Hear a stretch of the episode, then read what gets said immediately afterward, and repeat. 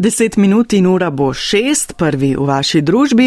V današnji ponovljeni duhovni misli redovnica Emanuela Žrdin razmišlja o pravih besedah in nagovorih v sodobni poplavi komentarjev na družbenih omrežjih, takšnih in drugačnih, med njimi tudi nič vrednih pravi.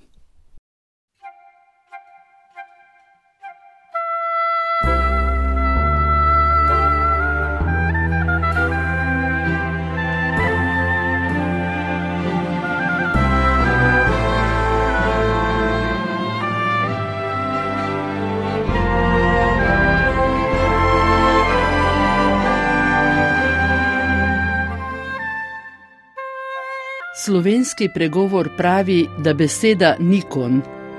V poplavi besed na novih internetnih medijih se to zdi še prav posebej res. Koliko milijon besed napišemo in si naenkrat upamo povedati vse lepo in grdo v naših anonimnih komentarjih. Potem pa pride mlad računalničar od Maše, ker vsako nedeljo pridiga precej starejši župnik in se skrivnostno smehlja.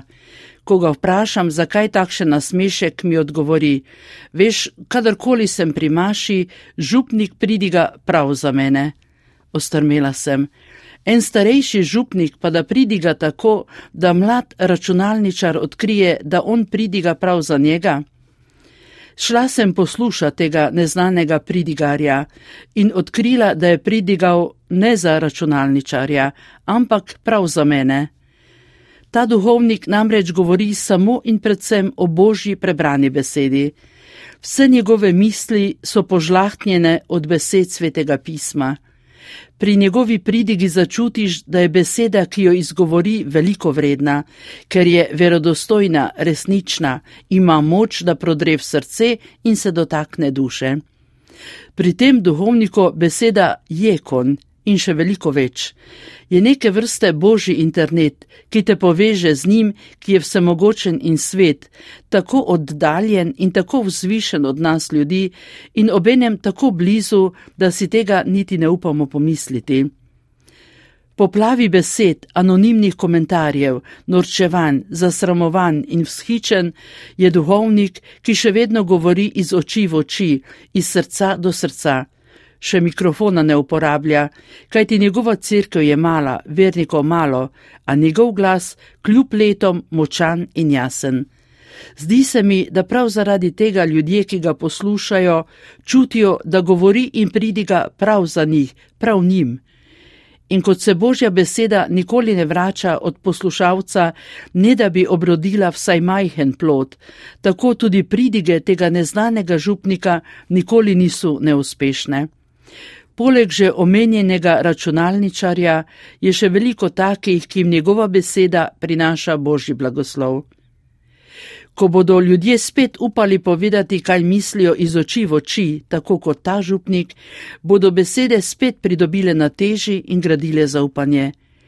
A če greste kdaj mimo te majhne neznane cerkve in slišite tega nepopularnega župnika pridigati, stopite in prisluhnite pridiga namreč prav za vas.